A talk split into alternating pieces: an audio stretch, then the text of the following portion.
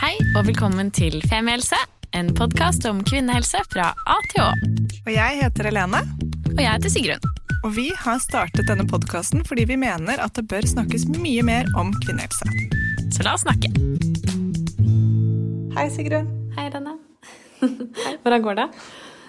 Eh, bra. Jeg skal prøve sånn ny strategi i dag. fordi Nei, fordi jeg så på Instagram noen som spilte inn podkast, og som liksom hadde bygget opp rundt seg med masse tekstil. Så da tenker jeg nå skal jeg liksom prøve å ha skjerfet mitt litt sånn rundt mikrofonen for at det skal bli litt mer behagelig for dere som Ja, hører da på. vil jeg bare understreke at vi ikke er, ikke er i studioet vårt hos både og, men at Sigrid sitter på et møterom på hos Theis. Så vi ikke liksom lager dårlig rykte for både og her. Nei da, de har kjempegod akustikk. De er, eh, De ja, jeg, skal, jeg skal jobbe hardt for å få et uh, podkaststudio på kontoret. Mm. Eh, hvordan går det med deg? Du, det går veldig bra. Jeg har gjennomført mitt første barselbesøk i dag. Oi, hvordan var det? Eh, det var skikkelig hyggelig. Ditt første offisielle bars barselbesøk, da må man jo si, for du har vært på mange barselbesøk. Jeg har vært på 10 000 barselbesøk. Altså, jeg, hvis jeg skal gjette, så har jeg sikkert vært på 40 Nei. Ja, 30 uoffisielle barselbesøk da, de siste ti årene. Hvordan skilte Nei, enn offisielle det. seg fra det uoffisielle? Nei, nå fikk jeg jo faktisk betalt, da. Dette Ja, var jo første innsats som doula. Burde man Mm, ikke egentlig generelt ja, burde man ikke generelt få det på barselbesøk? Jo, det syns jeg faktisk.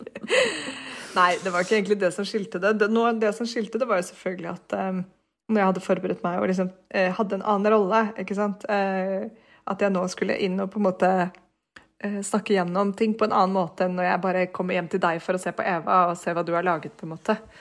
Ja. Men det var veldig fint. fint. Så ja. Det er gøy å være eh, i litt ordentlig gang eh, og kjenne at eh, Nå aner jeg jo ikke aner jo ikke selvfølgelig hvordan motparten opplevde dette barselbesøket, men jeg gikk i hvert fall ut derfra og følte meg lett og glad, så da tenker jeg at det Nei, Men men burde veldig ikke jeg, jeg foreslår at du skal begynne å gjøre sånn som de gjør på Ikea. fordi når man ringer til Ikea, så får du alltid en SMS med en gang etterpå. Så er det sånn Svar med Sånn tallene én 1 til 5. Hvor fornøyd var du med hjelpen du fikk hos oss? Ja. Ja, tenker det. Og så skal jeg pepre dem med mail og eh, SMS til de har svart. Ja. Setter veldig stor pris på din tilbakemelding. Ja. Ja, det var bare det var en eh, eh, idé, da, fra min side. godt innspill. Jeg tar det med meg. Jeg skal selvfølgelig gjøre det. Nei, men det var veldig fint. Så da er vi i gang. Ja, det er bra. Ja. Det er godt godt å høre. Ja. Så skal jeg møte en til klient etterpå, og så skal jeg på breathwork, som er pustegreier, hvor jeg puster sammen med andre mennesker i et par timer. Og så blir det på en måte som en dyp meditasjon, og så etterpå så føler jeg meg veldig bra. Så deilig. Det er liksom blanding av slitsomt og deilig ut. Det er akkurat det der. Så det er jo litt derfor det er deilig etterpå, fordi det er jo som en treningsøkt, bortsett fra at du ikke liksom trener, du bare puster veldig mye. Du bruker bare lungemuskelen? Mm. En viktig muskel. Mm. For all del. Ja. Ehm, jo, så har jeg tenkt mye på syklus i det siste. Jeg synes, en ting jeg, som jeg syns er kult, jeg så en greie om syklus som jeg vil si, er at menn sin syklus, den er 24 timer. De følger døgnet, ikke sant? Mm. Testosteronen deres øker og synker i løpet av døgnet. For eksempel er det jo en, eh, noen som mener at Wall Street åpner så jævlig tidlig om morgenen, fem-seks om morgenen, fordi menn våkner ofte med mest testosteron, ergo morrabrød. Sånn at menn liksom mer, ofte kan ha mer sånn energi from the get-go og lettere for å komme seg opp og ut. Og det her er jo greit. ikke sant? Alle mennesker har jo en eh, sånn døgnrytme som gjør at man endrer seg i løpet av 24 timer. Når du blir trøtt, og når du er våken, og når du kan trene og ikke. Og Det er forskjellig fra person til person, kan det være. Mens vi kvinner vi har denne 24-timersrytmen. Men så har vi også selvfølgelig den ca. 30-dagers-syklusen. Så hvis gutta er som eh, bare følger solen og månen, så følger vi solen og månen, men også hele månen rundt hele liksom, månen, da. Og det er ganske interessant at vi har eh, Når man ser på det på den måten, så har vi på en måte to parallelle sykluser. Og den 24-timerssyklusen endrer seg også ut ifra hvor vi er i månedssyklusen vår. Så de har jo f.eks. Eh, sett på at kvinner som eh, Eller når vi, hvis man har mensen, så trenger man å sove gjennomsnittlig 20 minutter lengre hver dag. Sant? I de dagene. Ja. Og derfor, og at vi også generelt sett kanskje trenger øh, og kan trenge å sove litt lenger om morgenen, eller har en annen sånn rytme. Så den derre at alle skal stå opp liksom, og bare pene rett på jobb, det funker ikke. Så det jeg prøver å si, dette funker ikke lenger, så nå må vi legge om samfunnet til at vi faktisk kan leve etter syklusen vår. Det er det jeg bare prøvde å si. Ja, eh, ja du, prøvde, jeg, du prøvde å si det. Det var en litt usammenhengende tankerekke, men jeg skjønner hva du vil. Eh, Du vil ha litt mer fleksibilitet i hverdagen din, og det har du jo skapt deg nå, da. Jeg har skapt meg det, ja, men jeg er bare oppfordring til alle andre å gjøre det samme. Ja, så bra. Nei, men jeg mener egentlig at jeg bare synes det var en fin måte å se det på. At liksom vi har alle disse eh, Alle følger på en måte en døgnrytme, men vi har også månedsrytmen som ligger på toppen, og den er egentlig like prekær og påvirker oss, om ikke mer, enn døgnrytmen til f.eks. menn. Ja. Så det har jeg gått og tenkt på, da. Så bra. Hvordan så har du det? Så lurer du kanskje på hvordan jeg har det, ja? Um... Ja, ja. Kom deg i forkjøpet, omtenksom som jeg er. Eh, Nei, jeg har det fint. Jeg har litt sånn uh, oppussingshjerne. Nå skal jeg etter jobb etterpå så skal jeg gå og møte en fyr som skal hente et kjøleskap. Og så prøver jeg å organisere med en fyr som ikke snakker norsk, som skal komme og hente hele kjøkkenet vårt. At han minner ham på å ta med eget verktøy eh, og egne muskler. Fordi jeg kommer verken til å hjelpe han med å demontere kjøkkenet eller bære det ned. Nei. Så mm, ja, det er litt sånne ting som fyller hjernen min akkurat nå. Men Ja. Men Jeg har en veldig god opplevelse med kjøkkendemontering. ja. Eh, Så det trenger du ikke å bekymre deg for. Det har jeg, eh, jeg har en teori om at folk som ønsker å demontere kjøkken, eh, er fullstendig klar over hva det innebærer både i verktøy og muskelarbeid. Fordi Ja. det er ikke noe hvem som helst rekker opp hånden og sier ja takk, jeg kommer gjerne og henter og demonterer kjøkkenet ditt for å så oppmontere det et annet sted. Nei. Det er liksom enten veldig mangel på selvinnsikt, og det, jeg tror liksom at den personen du skal møte, kommer til å ha såpass mye kunnskap og selvinnsikt at det går Jeg bra. håper det. Og så håper jeg bare han møter opp nå, for nå har jeg hatt et par sånne uh, fishes som har falt igjennom. Og hvis denne her Ja. faller igjennom, så tror jeg bare at vi bare river hele driten. Fordi Brenn det opp. orker ikke mer. Nei. Um, ja. Nei, så det er on my mind. Men um, jeg kan fortelle litt mer om uh, oppussingskaos i en personlig episode en dag. Fordi um, Ja, nå har jeg veldig lyst til å hoppe også- inn i temaet. Har ikke du? Jo, men jeg skal da si at jeg kan nå utdype enda mer om hva jeg mente om, om 24 timers syklus som månedssyklus. Kjempelyst til. Ok, stay tuned, people. Ja, la oss hoppe inn i temaet. Dette har jeg gledet meg til. Dette er en episode som um, Vi fikk faktisk en mail fra dagens gjest. Uh, og hvor hun presenterte seg selv, og så skrev hun unnskyld, jeg skrev en veldig lang mail, og da når noen skriver veldig lange mailer, så blir jeg sånn åh, ok. Jeg bare samler energi, dette må jeg lese. Jeg gjør meg klar. Og så liksom finne en luke til å sette seg ned. Og du Det gjorde var- faktisk, da. Jeg gjorde det. Du er den var som er helt klart flinkest til å lese lange mails. Ja, og meldinger. Der tar jeg meg tid. Men Det er ikke alltid jeg får gjort det med en gang. Men det var så utrolig godt skrevet, og jeg kjente at jeg ble sånn ordentlig revet med og veldig veldig nysgjerrig på å høre mer.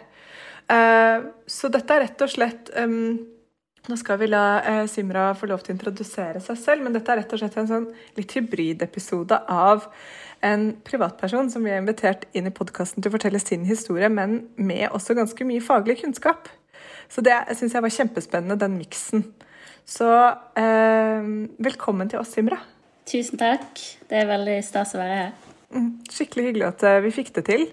Um, kan ikke du egentlig bare begynne med å introdusere deg selv litt? Det kan jeg. Jeg heter da Symra. Jeg er 32 år. Og jeg er vokst opp i Bergen og bor her nå sammen med min kjæreste og min datter på to år. Og jeg har studert medisin her i Bergen og ble ferdigutdannet lege i 2019. Og så, eh, rett før eksamen, så fant jeg ut at jeg var gravid. Så da, etter studiene, jobbet jeg et halvt år på rusmedisinsk avdeling ved Haukeland sykehus. Frem til jeg fødte i august 2020. Og da, eh, i etterkant av fødselen, hadde jeg det helt fantastisk. eh, Helt til jeg tre måneder senere da fikk en halsbetennelse som jeg aldri kom meg fra. Og nå har jeg snart levd med ME i to år. Det er veldig um, en litt sånn, ja, trist, trist historie, rett og slett. Altså, de siste to årene har på en måte gått med til å være syk, da. Mm, det er ganske kjipt, kan man mildt si. Mm. Men så har jo du da eh, tatt kontakt med, med, oss, Simra, fordi du ønsker å, å, snakke om dette her og dele litt av den erfaring. Har du lyst til å fortelle litt om bakgrunnen for at du har lyst til det? Mm. Eh, ja, jeg kan jo starte med å si hvorfor eh, jeg hadde så lyst til å lage denne episoden. Eh, for da jeg ble syk, eller da jeg hadde vært syk en stund, så begynte jeg å lese veldig mye om ME. Og jeg leste om eh, historikk, jeg leste mye forskning. Jeg leste mange pasienthistorier. Jeg leste så å si alt jeg kom over. Og det var ganske sjokkerende å oppdage hvordan denne pasientgruppen hadde vært stigmatisert og neglisjert i lang tid. Av både helsevesenet, folk i samfunnet og selv av eh, bekjente. Og hvor mye fordommer det faktisk finnes fremdeles der ute om denne pasientgruppen. Så jeg ble veldig provosert, og jeg kjente at det vokste um, et uh, sinne eller en stor fortvilelse inni meg over at ingen vet noe som helst om denne sykdommen. Selv om det er enormt mange som lever med denne sykdommen. Og det er en stor tilleggsbelastning, det med at um, man er veldig syk, men i tillegg så um, får man ingen oppfølging og nesten ingen omsorg av de rundt, for det er ingen som vet noe om det. Uh, og det kjente jeg på veldig selv. Så da var det en venninne som tipset meg om podkasten deres, så jeg kunne ha noe å høre på uh, da jeg lå i sengen eller på sofaen.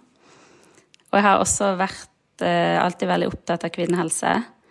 Uh, og dette er jo eh, en kvinnesykdom. På lik linje med mange av de andre kvinnesykdommene som ligger nederst på rangstigen. Som ingen kan noe om.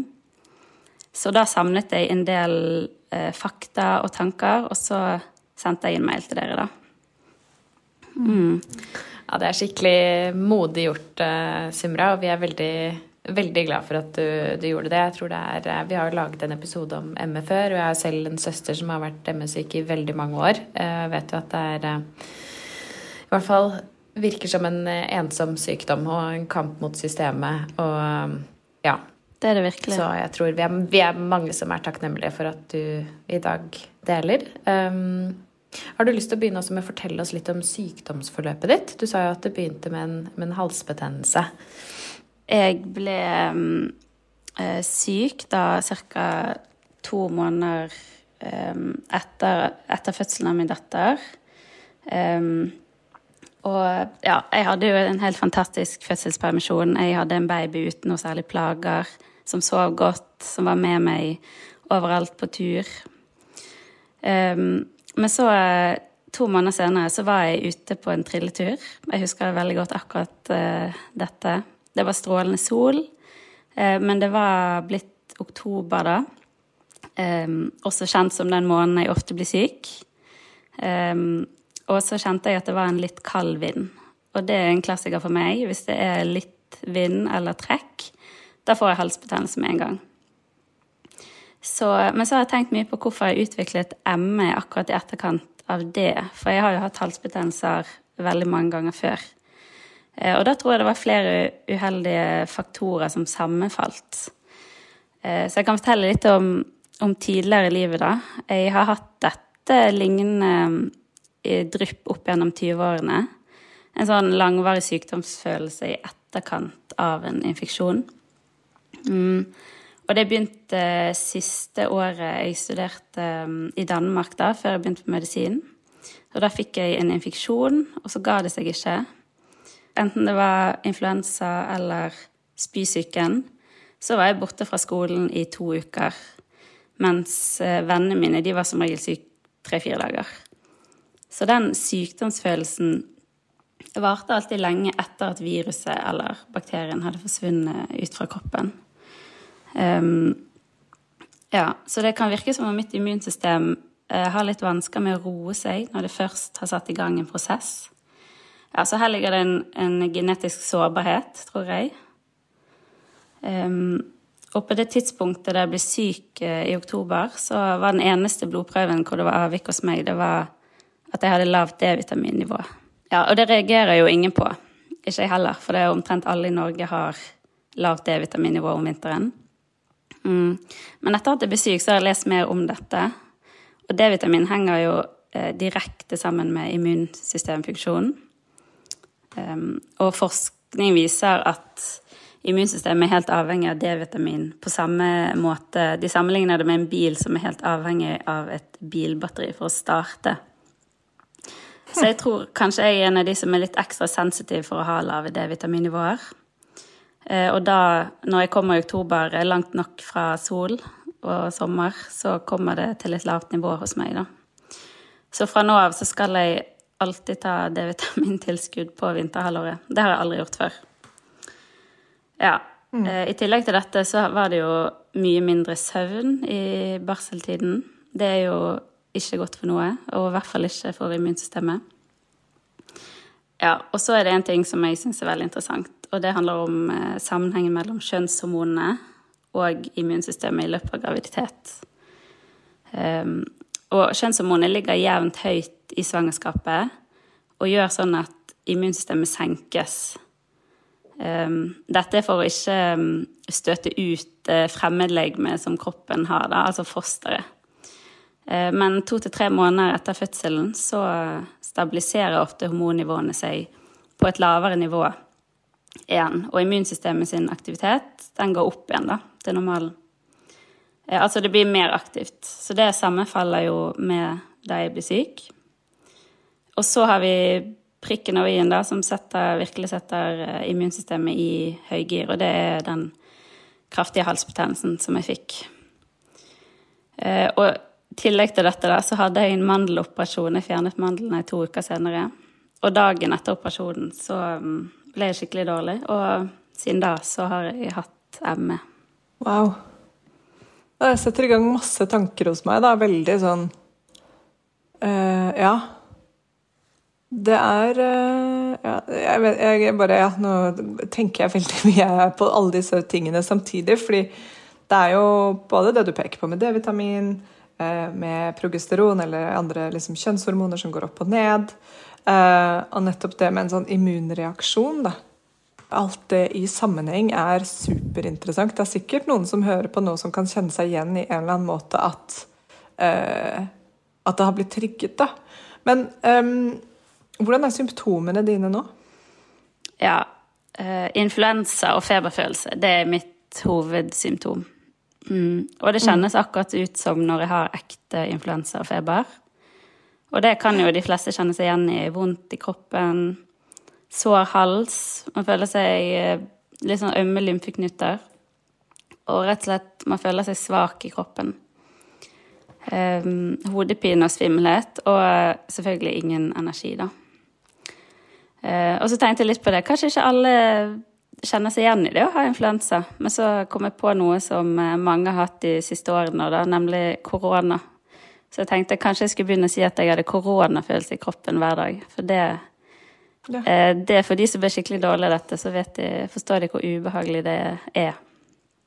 Mm. Mm. Og det første året da jeg våknet opp, så hadde jeg alltid klissvått sengetøy hver morgen. Og det er litt samme som når du faktisk har feber. Eh, ja, og på samme måte som mange har det måneden etter fødsel pga. hormonendringer, da.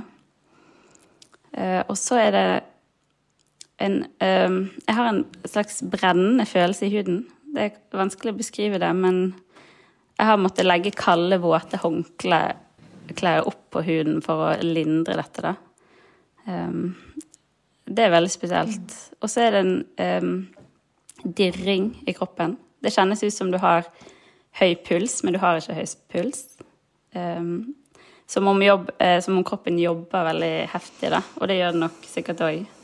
Um, ehm, ja, og dette kjenner jeg spesielt godt når jeg ligger i ro i, uh, i sengen om morgenen når jeg våkner, da.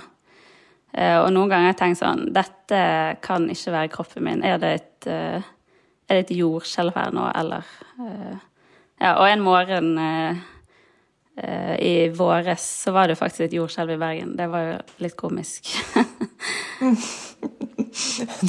Super. Bare what? Hva er det som skjer nå? ja, men det er virkelig Sengen rister. Det, det føles akkurat sånn. Um, Og så er det jo eh, denne såkalte anstrengelsesutløste forverringen, da. Dette er et kjernesymptom til ME. Eh, og det innebærer at hvis jeg gjør noen små anstrengelser, det kan være alt fra å ta en dusj eller eh, gå opp trappen, eller på gode dager hvis jeg går i butikken eller henter i barnehagen, så gir dette en forverring av symptomene, da. Og en, en eh, sykdomsfølelse eller feberfølelse som bare blir kastet over meg, da. Og det kan komme veldig akutt. Og da må jeg bare noen ganger slippe det jeg har i hendene, og rope på samboeren min og si 'nå må du nå må du fikse dette', og så må jeg bare legge meg ned, da. Mm. Det er litt sånn der, uh, eneste jeg kan Det er sikkert ikke relaterbart engang, men jeg, jeg hadde kyssesyken et halvt år mm.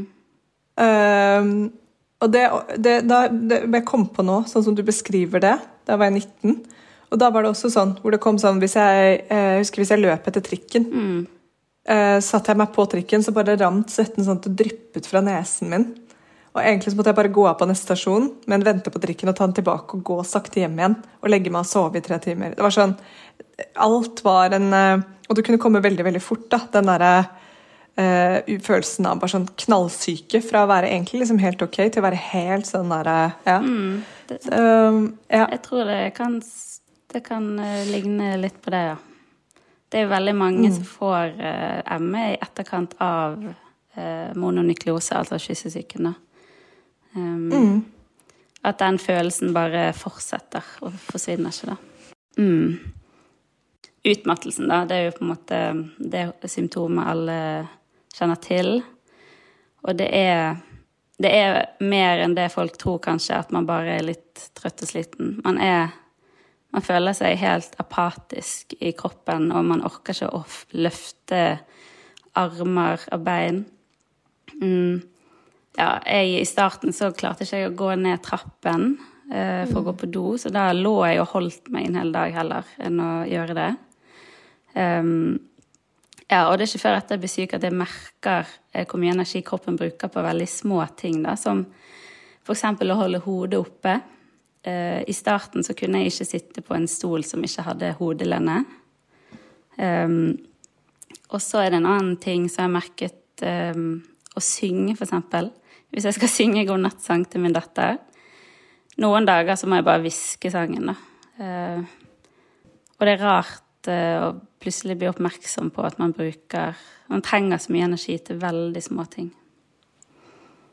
Mm. Ja. Og det er jo veldig mange små ting man gjør hver dag, og spesielt når man har barn. Jeg har en toåring selv, så um, det er, det er, mange små og store ting, ting som skal gjøres. Hvordan eh, har det vært å bli syk helt parallelt med å måtte gå inn i morsrollen og ha et lite barn som egentlig trenger deg hele tiden? Ja, det har vært eh, veldig tøft. Um, man ser jo for seg en, en type permisjonstid hvor man, man, har planlagt mange ting man skal gjøre, og reise litt. Og bare gå trilleturer med baby i barnevogn er jo noe man ser frem til. Og det fikk jeg gjort i to måneder, men så, så var det ikke mer. Og jeg har så å si ikke trillet henne eller vært ute på turmåned siden, siden den gangen, da. Eh, så det er jo veldig tøft. Jeg orket jo heller ikke å skifte bleie, for da måtte jeg gå ned trappen igjen. Um, så det ble veldig mye på min samboer også um, på den tiden. Um, men så er jeg òg bare utrolig takknemlig for at jeg har hatt henne disse to årene. Jo. Fordi uh, mitt liv har jo stoppet opp, men jeg har jo kunnet følge hennes liv. Hun har jo utviklet seg mye og vært gjennom barnehagestart og ja, alt som er. Eh, så det har vært en stor glede, da, selv om det har gjort det litt mer fysisk slitsomt. Mm. Mm. Men um, hvis vi går litt tilbake igjen mm. Um, Hva er det vi egentlig vet om ME i dag? Ja, det har jeg lest masse om. Um, og uh, har et ganske behov for å dele dette med folk der ute. Fordi man brenner på en måte inne med veldig mye informasjon, og folk vet litt om det, og det blir mye synsing og Ja, så um, eh, Nå kommer jeg med litt fakta her, da, som eh, kan være utgangspunkt for eh, de tankene jeg har da, om å leve med denne sykdommen. Så eh, ja, i 75% av tilfellene så oppstår ME akutt etter en infeksjon. Eh, men det kan også komme gradvis. Eh, og det er anslått at det er nesten en halv prosent mennesker på jorden som har ME. Det er enormt mange, og det utgjør omtrent 25 000 syke i Norge. Og dette er en livssituasjon hvor ja, livssituasjonen blir sterkt endret, og ikke bare for den syke, men for mange pårørende. Så det vil si at det er utrolig mange mennesker i Norge som påvirkes av denne sykdommen. Og det er nesten 80% kvinner som får denne sykdommen. Og det som er også spesielt interessant, er at det er to alderstopper hvor sykdommen oppstår. Enten i ungdomsårene rundt pubertet eller i 30-årene. Du kan få den når som helst, men det er de vanligste tidene. Og det er jo den tiden det er mye svingninger i kjønnshormonene. Og kvinner går inn i sin fertile periode i livet. Ja, det vil jeg snakke litt mer om. Vi må komme tilbake til det.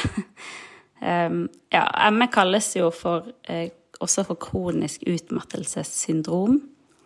Og det betegnes ofte som en diffus sykdom, men de senere årenes forskning og erfaring har vist at dette er en ganske velavgrenset lidelse med eh, bedre psykisk helse og mer alvorlige symptomer enn hos folk med bare kronisk utmattelse. Det kan man jo få av mange ulike grunner. Mm, det blir også beskrevet som en multisystemisk sykdom med stor funksjonsnedsettelse. Altså en sykdom som eh, påvirker mange systemer i hele kroppen. Nervesystem, hormonsystem, immunsystem Mm. Og så beskrives det som en biopsykososial lidelse.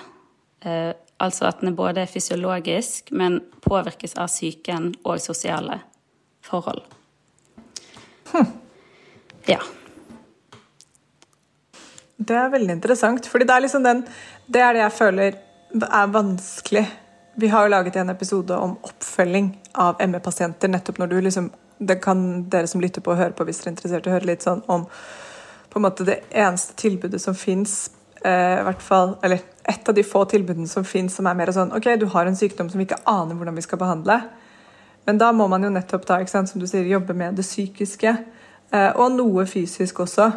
Men det er det som er så vanskelig Eller jeg vet ikke om det er det som er så vanskelig, kanskje, om det er riktig måte å si det på. Men det påvirkes jo også av det psykiske. Men det er en fysisk sykdom. Ja, og det her er det jo eh, mye debatt om da, i media og ja, innad i helsevesenet. Og det er en ganske betent debatt. Eh, det er mye kronikker frem og tilbake om folk som mener forskjellig.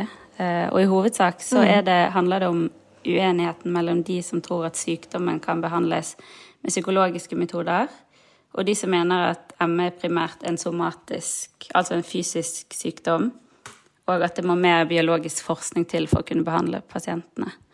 Eh, og mange av de mm. ME-syke står jo på denne siden, da.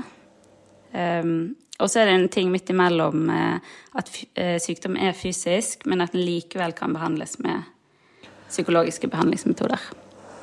Mm. Ja. Hvis jeg liksom bare hvis jeg det kan bare komme en påstand her. Jeg elsker å komme med eh, påstander som jeg ikke har noe underlag for i denne podkasten. Men hvis det bare var en psykisk nå tar jeg hermetegn, bare en psykisk sykdom, så ville jo et intensivt forløp med f.eks. For en psykolog gitt veldig klare bedrings... Altså, da ville det jo vist veldig gode resultater, og det gjør det jo ikke for de aller fleste. Det kan hjelpe på livssituasjonen, og det kan hjelpe på dag til dag. Altså bare det å få hjelp til å håndtere at man er skikkelig syk. Mm som vi snakket om i den forrige episoden, det hjelper jo om du har kreft eller om du har på en måte knukket ryggen. Det hjelper jo å få psykisk hjelp når man er syk. Ja. Men det gjør deg ikke frisk. Nei, eh, det er jeg helt enig i. Og jeg tror selv at ME primært er en somatisk sykdom. Eh, mm. Og jeg kan jo bare snakke ut fra min egen erfaring eh, med sykdommen og kjennskap til min egen syke. Men jeg har jo også lest mye om dette nå. Um, og det er jo lett å forstå at, at uh, ME-syke utvikler psykiske problemer uh, av å bli såpass syk og miste det livet de hadde. Uh, og dette forsterker jo de fysiske symptomene også. Uh, utmattelse er f.eks. et av hovedsymptomene ved depresjon. Um, ja, så jeg har lyst til å forklare hvorfor mange ME-pasienter reagerer på at sykdommen antas å være biopsykososial. Eh, og da vil jeg komme med litt historikk eh, og nevne noe som skjedde for 50 år siden, eh, som antas å ha hatt stor innflytelse på hvordan sykdommen har blitt forstått siden da. Og det var et av de første kjente masseutbruddene av ME i London i 1955. Omtrent 300 mennesker ble syke. Og i etterkant av dette så var det to mannlige psykiatere som publiserte en artikkel der de mente å kunne påvise at symptomene kun var et resultat av massehysteri. Og de hadde ikke undersøkt eller møtt en eneste pasient. Og det skrev de basert på det faktum at nesten alle som ble syke, var unge kvinner. Mm. Og det er så provoserende å lese om. Um, og videre så har jeg lest at kvinner historisk sett er offer for eh, psykologisering, og blir det den dag i dag. Og det handler om at kvinners fysiske symptomer, om det er smerte eller utmattelse eller hva som helst, tolkes til å ha en psykogen årsak. Eh, endometriose, eksempel, har i århundrer blitt eh, diagnostisert som hysteri. Og fremdeles så tar det syv år å få den diagnosen i Norge. Minst. Ja, minst. Uh, så det er et veldig godt eksempel på det. Og på 70-tallet så fikk kvinner med MS-symptomer hysteridiagnose. Uh, og MS, som det kan ligne litt, uh, det var ansett som en mannssykdom. Og hvis kvinner hadde de samme symptomene, så fikk de hysteridiagnosen. Um, og kvinner får fremdeles denne hysteridiagnosen for fysiske tilstander i dag. Det bare kalles noe annet. Um, til og med kvinner som eh, kommer med hjerteinfarkt, blir sendt hjem med beroligende piller fordi de tror at det er angst eller stress. Um, ja, så det er jo Jeg syns det er helt forferdelig. Og ME er også blitt forklart som en del av kvinners svake personlighet, med manglende eh, selvinnsikt, eh, nevrotisisme og perfeksjonistisk personlighet. Ja, og så er det antaget som at pasientens negative holdninger og følelser henger sammen med at man ikke blir frisk. Eh, og at de ja, fordi, som regel bare kan gå på jobb neste dag hvis de skjerper seg litt, da. Mm, negative holdninger til å leve livet sitt. Rett og slett At det er mye deiligere å bare være, uh, ha feber og ligge på sofaen og ikke delta i sitt eget liv. Ja. Det er jo helt sprøtt. Ja, og dette synet henger igjen uh, mange steder i helsevesenet. Eh, i dag, og i samfunnet. Eh, og jeg leste en sak om at eh, saksbehandlerne hos Nav de instrueres i å være ekstra påpasselige ved vurderingen av uføretrygd hos to pasientgrupper, kun to pasientgrupper. De med rusmiddelavhengighet og de med ME. Og det er formell stigmatisering. Det Jeg syns ikke det er greit. Av begge to? Ja, av begge to. Mm. Mm. Mm. Ja. Eh, og så er det jo mange sykdommer som nå er allment akseptert, eh, som før i tiden var eh, svært stigmatisert. da. Til og med kreft. Og folk trodde jo at kreften oppsto grunnet en persons svake syke. Og hvis du fikk en kreftdiagnose, da var du en tafatt, taperaktig personlighet, da. Ja, og hva har skjedd siden da? Jo, forskning og kunnskap. Um, og det er sånn jeg har en følelse av nå også med ME, at om 50 eh, år siden så har det skjedd forskning og kunnskap, og så ja, kan vi jo se tilbake på de holdningene som finnes i dag. Mm. Mm. For noe av den forskningen som vi, også, uh, som vi snakket litt om i forrige episode, som skjer, er jo nettopp det å prøve å gå mer Altså gå bredt ut og prøve å um, identifisere noen likhetstrekk, noen markører, sånn at man kan begynne å forske på ME-pasienter som på en måte er i samme sekk. Mm. Fordi ME-pasienter nå er, som du også sa, sant, er også kronisk fatigue syndrome, eller utmattelsessyndrom. Um, og at 75% får det ut ifra en infeksjon, mens 25% gjør ikke det. Sånn at utgangspunktet for uh, sykdommen er ulik, og derfor så gjør det også liksom forskningen vanskeligere, og nettopp tilbake igjen til hva som er psykisk og hva som ikke er det, så kan det jo være ulikt også hos mm. uh, mennesker med lignende symptomer. Ikke sant? Mm. Uh, det blir litt sånn ja, du har irritabel tarm, men det er sånn ja, det er tusen grunner til at man kan ha det, ikke sant? Ja. Selv om det er en helt annen tilstand. Mm. mm. Men, men Simra, hvordan har ditt møte med helsevesenet vært da? Nå har vi jo snakket mye om, om holdninger til sykdommen. Hvordan har du opplevd dette i praksis? Ja, eh, jeg kan jo begynne med fastlegen min. Um, og det er veldig avgjørende for ME-pasienter uh, om de har, en god fastlege, og for hvordan den videre oppfølging av sykdommen blir. Det har jo dere snakket litt om i den andre episoden. Og de fleste fastleger kan lite om ME, og naturligvis, for det legevitenskapen kan lite. Eh, men det er likevel store forskjeller i hvordan de møter pasientene med, med symptomer. Eh, og fastlegen min, eh, han møtte meg med stor forståelse. Han var veldig behjelpelig med alle de praktiske tingene, da, med legeerklæringer og ting som skulle inn til Nav. Men når det har gått en tid og ME-diagnosen kom på banen, så så stoppet det litt. Da var det på en måte ikke noe mer å tilby, da. Eh, men han har hele tiden vært lydhør for mine behandlingsforslag. Jeg, jo, jeg er jo lege selv, og jeg har jo lest mye om dette. Og um, ja, vi har prøvd litt ulik uh, behandling. Uh, og det er mulig at, at jeg blir møtt på en bedre måte fordi jeg er lege. Vi snakker jo litt som kollegaer. Uh, men det er veldig leit å lese om de pasientene som ikke har ressurser eller orker å, å, sette seg inn i sin diagnose eller finne behandlingsalternativer. Og så møter de eh, kunnskapsløshet og blir eh, avfeid av fastlegen. Eh, og fastlegen min han har heller ikke gått gjennom de strenge diagnosekriteriene som er for ME. Mm. Det har jo jeg gjort selv, så jeg vet jo at, at eh, det er det som gjelder. Eh, men det får jo meg til å spørre om hvor mange som får denne diagnosen bare fordi de er eh, trøtt eller ja, er utmattet av andre grunner, da. Um, mm. Ja, så når jeg kommer eh, Når jeg kom til fastlegen, så har han flere ganger sagt Ja, er du fremdeles trøtt? Og så sier jeg trøtt? Eh, nei, det er jeg definitivt ikke. Jeg, det er faktisk ikke et av mine symptomer. Um, så da får han streng beskjed om at trøtt, det burde han ikke si. Og um, men ja, jeg har fremdeles influensa og feberfølelse i kroppen, sier jeg. Ja, for ME blir også kalt tretthetssyndrom. Mm. Eh, eller kronisk fatigue. Fatigue betyr trett eller trøtt på fransk.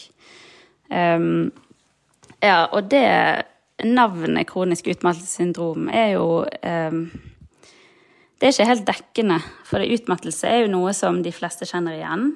Uh, og som folk er vant til at bedres hvis du hviler. Eh, eller bare hvis du tar det litt sammen, kanskje. Eh, så dette bagatelliserer jo sykdommen, syns jeg. Og så som du sa, så er det jo en sekkebetegnelse av mange ulike sykdommer som gir utmattelse. Mm. Folk som har andre fysiske sykdommer, altså kreft eller lavt stoffskifte, og utbrenthet, eller psykiske diagnoser, da. Så dette gir jo forvirring i både helsevesenet og i, hos folk generelt. Um, mm. det, var, eh, det, ble gjort et eksperiment som jeg leste om, hvor de presenterte eh, ME-pasienter til to grupper leger. Og um, kalte sykdommen for myalgisk encefalopati, altså ME, for den ene gruppen. Og kronisk utmattelsessyndrom for den andre. Og da var det den legen, eh, eh, gruppen med leger som hadde pasienter med um, kronisk utmattelsessyndrom. De vurderte tilstanden som mye mindre alvorlig enn den andre gruppen. Mm. Mm. Ikke sant? Det er mye um, provoserende informasjon her. Det må jeg si. Ja. Sånn i form av ja, ja, møte av pasienter som har mm. livet sitt satt på, på pause. Så ja, det er veldig bra vi snakker om dette. Mm. Du var inne på litt eh, eller vi, litt i mailen så skrev vi, skrev vi litt fram og tilbake også om, om, ulike tiltak du selv har prøvd. Har du lyst til å fortelle litt om det? Ja. Um, jeg har jo um, Jeg har begynt på et eh, annet type kosthold. Um, dette fikk jeg Det var et tips fra en venninne som uh, kjente noen med ME, som hadde byttet til et såkalt uh, betennelsesdempende kosthold. Um, og det begynte jeg på for uh, ca. et år siden. Og det var en uh, klar endring i etterkant av dette. Um, det kan jo være tilfeldig, men jeg merket i hvert fall stor forskjell. Jeg hadde mye mindre feberfølelse i etterkant. Um, ja, og det er i hvert fall uh, en stor sammenheng mellom kosthold og kroppens hormonsystem, som igjen påvirker immunsystemet. Uh, og ME er jo uh, forbundet med litt ja, med lavgradig inflammasjon. og menneskets hormonsystem er ikke tilpasset mat som øker blodsukkeret veldig raskt og mye. Ehm, for dette gir økt inflammasjon. Så for å unngå disse svingningene i hormonene, så kan man prøve å holde blodsukkeret jevnt. da, og, unngå sukker og raske karbohydrater. Så det har jeg gjort. Um, jeg har uh, også tatt D-vitamin, uh, høydose D-vitamintilskudd. Um, det er ikke jeg sikker på, jeg har ikke merket noe forskjell, men um, jeg fortsetter i hvert fall med det, og så ser jeg. Og så er det noen studier som viser at eh, B12-injeksjoner kan hjelpe. Eh, det har jeg òg gått på en stund, faktisk. Jeg har merket litt forskjell, men det er vanskelig, for det varierer så mye fra dag til dag at Ja, jeg tør ikke å gå av det ennå, men eh, jeg Ja, jeg vet ikke helt effekten av det heller. Så egentlig er det med kosthold som har hjulpet meg mest, da. Mm. Mm. Og så skriver du litt her om øh, kognitiv atferdsterapi. Er det sånn at du også er inne i et løp hvor du får hjelp av psykolog eller terapeut, eller? Eh, nei, det har eh, Jeg har ikke gått til en psykolog. Eh, det har faktisk heller ikke fastlegen eh, foreslått for meg. Um, men mm. jeg går til en fysioterapeut som er Eh, videreutdannet som eh, psykomotorisk fysioterapeut. Mm, så eh, jeg syns det er veldig fint å kunne gå til noen som har en um, kunnskap om kroppens systemer og forstår symptomene mine, og så kan hun uh, jobbe med de og prøve å um, redusere um, energibruk da, i musklene. Uh, så hun hadde vært veldig fint å prate med samtidig som hun jobber med kroppen. Mm. Og jeg har jo jeg har lest litt gjennom denne kognitive atferdsterapien som de tilbyr kronisk utmattede. Eh, og det står jo først at det skal være en støtteterapi også til hjelp for å takle sykdommen, og det er jo fint. Men så videre så står det at um, hensikten er å bygge opp kunnskap som gir grunnlag for å gi utmattelsen mindre oppmerksomhet Eh, det reagerer jeg litt på.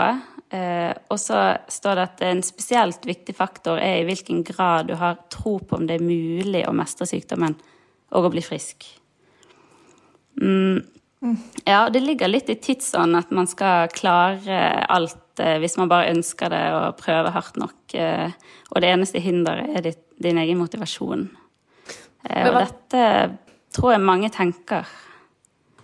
Men hva tenker du om viktigheten av motivasjon, da, og nettopp det å på en måte eh, kanskje være positivt innstilt på, på, at man skal bli frisk? Det kan nok eh, hjelpe til en viss grad. Kanskje det kan hjelpe litt å bedre noen symptomer. Eh, jeg har ingen tro på at det hjelper for å bli frisk fra ME. Eh, jeg leste òg et sted at hvis man kunne tenke seg frisk fra ME, da hadde ikke ME eksistert. Fordi dette er en sykdom eh, ingen vil ha, og de gjør alt de kan for å bli frisk. Mm. Altså, ME-pasienter har en enorm mestringstro. Eh, de prøver å ignorere symptomene litt og litt. De prøver seg frem forsiktig, ønsker mm. og håper. Men kroppen fungerer ikke likevel. Det er det som er så sjukt interessant med langvarig sykdom. hvordan Da blir det veldig sånn Ja, men det kan du tenke deg bort ifra, men hvis du våkner opp da, og du skal i bryllup til bestevenninnen din, og du har 40 feber og streptokokker, så er det ingen som sier sånn Nei, men tenk deg nå frisk, bare. Dette her handler om innstilling, Helene. Mm. Du greier å gå selv om du svetter eh, av feber og har så vondt i halsen at du ikke greier å drikke vann. Det går bra. Så er det sånn, Men med en gang det varer mer enn en uke eller to eller tre eller en måned, så er det sånn Nei, nå syns jeg faktisk at du har vært syk lenge nok, så nå burde du tenke deg mm. frisk. Mm. Ja, det er akkurat sånn det føles. Det føles som å ligge med fullblodsinfluensa, og så kommer det en lege og sier ja. Nei, nå må du bare ignorere dette og ta deg en liten joggetur. Altså, det går ikke. Nei, det gjør ikke det. Og det er det som er um, Ja, det er sjukt. Uh, det er kjempefrustrerende når man er syk over en lengre periode. Så blir det til at liksom folk blir litt sånn ja, nå har vi prøvd alt, ingenting funker, så det er kjempefint hvis du bare tenker deg frisk nå. Mm. Det hadde vært veldig sånn behagelig for alle rundt deg. Mm. Ja, det, og det føles eh, Det er ikke noe god følelse når eh, folk rundt Du merker at folk rundt tenker de tankene, selv om de kanskje ikke sier det. Mm. Eh, jeg har jo jeg har jo Etter jeg var syk en stund, så, så får man jo mye rare råd her og der. Um, og jeg merket jo at det var mange som, uh, som sa, eller ga meg råd om å gå og snakke med noen, da. Uh, ja, og det ble veldig slitsomt etter en stund, fordi uh, ja, det kan jo som sagt være en god støtte eh, når man står oppe i en sånn situasjon. Eh, men det vet jeg jo selv, og jeg hadde tatt tak i det hvis jeg følte behov for det. Um, så det jeg hadde et behov for, var å lese mest mulig om sykdommen og forskning, prøve å forstå sykdommen. Og det som hadde gitt meg støtte fra de jeg kjenner da, var kanskje hvis de hadde sagt å, jeg har lest meg litt opp, eh, jeg har lest en forskningsartikkel eller foreslått noe konkret som jeg kunne gjort som bare, ikke bare handler om psyken. Um, mm. Ja.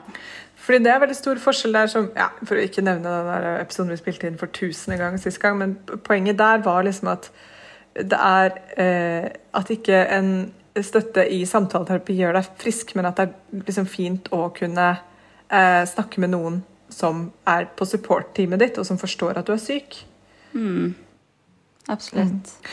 Så nå er vi i en sånn der, innspillingssituasjon hvor Sigrun må nå gå og hente i barnehagen. Så da vinker vi Sigrun farvel, mens Symra og jeg avslutter innspillingen. Vi takk for praten, Symra. Hils Tutti. Jeg skal gjøre det. Ha det. Tusen takk. Det var veldig hyggelig. ha det. Så fortsett så fortsetter du og jeg, Symra. Um, ja. ja. Fordi mm, Det er en veldig stor forskjell på de tipsene. ikke sant? En ting er, ja, Jeg syns også det er sånn jeg går jo til psykolog, det er helt nydelig, men jeg går ikke til psykolog for å bli kvitt liksom, halsbetennelsen min. Nei. nei. Det gjør man jo ikke. Um, nei. Så um, hva er liksom dine tanker videre nå, da? Nei, uh, jeg har lest at uh, sykdomsforløpet til mange ME-pasienter kan deles inn i flere faser, da. Og det stemmer ganske godt for meg. Uh, med en startfase mm. som, hvor man var aller dårligst, og jeg følte meg skikkelig syk hver dag. Og jeg kunne ikke gjøre noe som helst. Um, og så kommer det en stabiliseringsfase uh, hvor man får noe reduksjon i svingningene i symptomene um, og energien. Og hvor gode perioder blir uh, lengre og flere, og nedturene blir uh, kortere og mindre intense. Og det kan jeg kjenne meg litt igjen i. Jeg har jo jeg har sykdomsfølelse hver dag, men jeg kan likevel stole litt mer på kroppen. Uh, mm. Den er jevnere, da. Uh, og nå nærmer det seg jo snart to år at jeg har vært syk. Uh, og så har jeg lest om en del folk som har følt seg friske etter ca. to til tre år. da. ikke nødvendigvis tilbake til det nivået de var før de ble syke, men kanskje såpass bra at de kan jobbe litt eller delta mer sosialt. Og teorien om dette er da at immunsystemet har vært i høygir så lenge at det rett og slett ikke orker mer. Så det demper seg av seg selv, og dermed forsvinner sykdomsfølelsen. Så jeg har jo litt troen på at det skal skje med meg i november, da. Jeg håper i hvert fall ja. det. Um, ja. ja. Og jeg har heldigvis klart å holde på uh, mitt uh, gode humør all den tiden, og positivitet. Så jeg tenker fortsatt at jeg snart skal bli bra. Eller jeg håper det. Sånn at jeg, eller i hvert fall så bra at jeg kan kanskje jobbe litt og ja, få lov til å jobbe som lege og møte ME-syke med respekt og forståelse. Så um, mm. håper jeg selvfølgelig at forskningen snart gjør et gjennombrudd, sånn at denne sykdommen både kan anerkjennes og eh, tilbys eh, riktig og god behandling, da. Mm. Jeg kan, veldig, jeg kan jo ikke så Eller jeg er jo ikke noen forsker, men jeg bare syns dette er så sjukt spennende at jeg bare skjønner ikke hvorfor ikke bare alle forsker på det. Akkurat det samme som liksom, ja, endometriose og en del andre ting som er bare sånn Forsk på det! Det er jo så spennende! Bare, ja. Herregud, Tenk om noen hadde greid å knekke koden, liksom. Jeg har tenkt på det selv, spesielt dette med hvorfor flest kvinner får denne sykdommen. Jeg vet ikke om du har tid til å snakke ja. litt om det òg? Jo, jo, klart det. Kjør på. Dette er mitt favorittema. Eh, jeg har en drøm om å ja. kunne videreutdanne meg som gynekolog eller fødselslege en gang. Ja.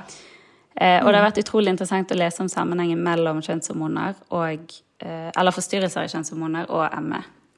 Så mm. 80% av de med autoimmune sykdommer, samme som for ME, er kvinner.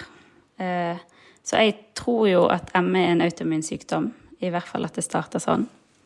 Og her kommer det eh, kvinnelige kjønnshormonet inn, da, østrogen. Eh, østrogen den stimulerer eh, B-cellen, og det er B-cellen som produserer antistoffer som gjør immunsystemet aktivt. Altså det er antistoffene som angriper viruset, f.eks. hvis du blir syk. så østrogen dytter immunsystemet i en mer aktiv retning, mens testosteron, som menn har mest av, Eh, det har den motsatte virkningen. Den demper immunsystemet. Eh, så menn eh, har på en måte egentlig et dårligere immunsystem enn kvinner. De får lettere infeksjoner. Mens kvinner får færre infeksjoner, men de har derfor en tendens til å få et overaktivt immunsystem. Og kan utvikle da autoimmunsykdommer. Så mm. det viser seg at kvinner med ME har en eh, mye høyere forekomst av gynekologiske problemer sammenlignet med den friske befolkningen.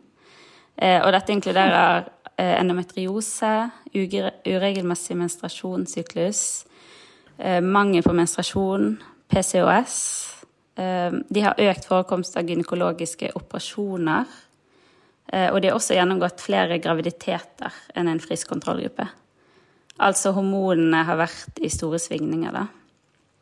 Uh, ja, så dette tyder på at det er en forstyrrelse i kjønnshormonene som videre eh, påvirker immunsystemet. Um, og det, det forsterkes jo litt med det at det utløses enten i pubertet eller i 30-årene, som er den tiden hvor kvinner som regel får barn. Og kvinner, eh, mm. kommer, kvinner med ME kommer faktisk i overgangsalderen nesten fem år før andre kvinner. Oh, wow. Virkelig. Um, så det ligger noe i det her. Sykt interessant. Um, ja, og så er det jo veldig interessant at mange kvinner eh, med ME og andre autoimmunsykdommer blir bedre i graviditeten.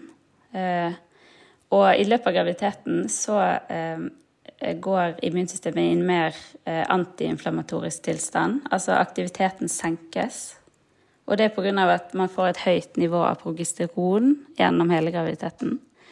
Um, så da er det jo veldig logisk at en autoimmun sykdom blir bedre når uh, et overaktivt system senkes da, i graviditeten. Dessverre er det mange som blir dårlige igjen uh, et par måneder etter fødselen, når progesteronnivået synker tilbake til normalt nivå. Så jeg har tenkt flere ganger at uh, kanskje jeg bare må bli gravid for å bli frisk. Man blir jo litt desperat og vil prøve alt. Men mm. eh, en ny barseltid akkurat nå, det hadde nok ikke vært så lett. Og det tror jeg min samboer er mm. veldig enig i. Mm. Dette er jo Noe av disse tingene diskuterte vi også på mail oss to imellom. og jeg, Det var jo derfor jeg ble så liksom, wow, mindblown av denne av mailen din. fordi det er, det er i hvert fall ting jeg ikke har hørt. Og liksom på en mikro-mikroskala så kan jeg kjenne meg igjen i at det er perioder i syklusen min hvor jeg kan plutselig få forkjølelsessymptomer en dag eller to, og som går over. Og så googlet jeg det, og det er ganske vanlig. Mm. At man får det på ulike punkter hvor øh, hvor progesteronet endres i kroppen. ikke sant? Hvor man plutselig bare kjenner sånn For ingen grunn så kjenner jeg meg bare litt dårlig, og så tenker jeg sånn Å nei, nå ble jeg forkjølt, og så går det over. Og så har jeg begynt å liksom reflektere, og vet du hva, det treffer egentlig ganske samme liksom en gang i måneden ish, da. Ja. Um, så det er um, Ja, det her er bare ja, sjukt interessant. Kvinner med ME har også uh, ulik symptomtrykk i løpet av menstruasjonssyklusen. Altså, de blir som regel dårligere um, etter eggløsning, men før menstruasjon. Kanskje rett før menstruasjon, før. akkurat når uh, progesteron faller, da. Eller østrogen. Det er litt vanskelig å vite. Ja, ikke sant? Og så har jeg også lært at, lest at kvinner med MS responderer bedre på medisinen eh, når progesteronet er på det høyeste. ikke sant? Fordi da er immunforsvaret mer mottagelig for medisin på en eller annen måte. Så det er, sånn, det er noe forskning som testes på det på hvor, på hvor og når i syklus, og som også er sånn der, ja, Nei, ok, det er en annen diskusjon, men jeg bare, det er veldig mye spennende rundt dette som er ja. Definitivt. Og det Eh, forskes jo veldig lite på, da. Eh, I hvert fall sammenhengen mellom ME og kjønnshormoner. Så jeg tenkte kanskje jeg skulle gjøre det en gang. Ja, vet du hva? Det tror jeg faktisk du må. Det må vi må opprette en spleis som bare gjør at du kan bruke resten av eh, den tiden du ønsker på det, og din karriere til å bare forske på dette. Ja. Det eneste er at eh, veldig mange ME-pasienter som blir bra, de vil bare så langt bort fra ME som de kan. De vil glemme den mørke Ja. perioden i livet, så vi får se. Ja, klart det. Kanskje du må ta en liten pause, og så kan du liksom, når du er øh, ferdig med det, komme tilbake igjen og titte på det med friske øyne og bare OK, greit.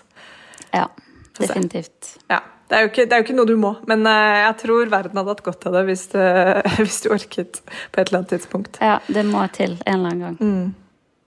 Mm. Ah, Simra, tusen takk. Um, avslutningsvis, er det noe du har lyst til å legge til, eller har vi fått dekket det meste nå, føler du?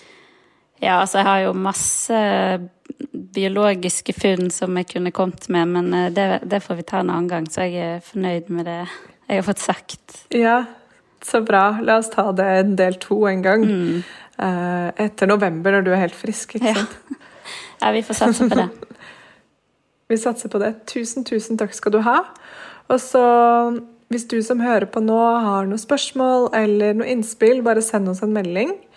Eh, Så eh, kan vi ja, sende det videre eller et eller annet. Vi finner ut av det. Bare ta kontakt hvis du lurer på noe mer rundt denne episoden. Så takk for at du hørte på. Ha det! Tusen takk for at du hørte på podkasten vår. Selv om det forhåpentligvis kommer tydelig frem, så vil vi understreke at vi ikke er helsepersonell. Ja, så Som vanlig, kontakt legen din om du har noen spørsmål, eller om du skal begynne på noen form for behandling. Og har du et tema som du har lyst til at vi skal snakke om, eller noe ris eller ros, så send oss gjerne en melding på Facebook eller på Instagram. Der finner du oss under Femihelse.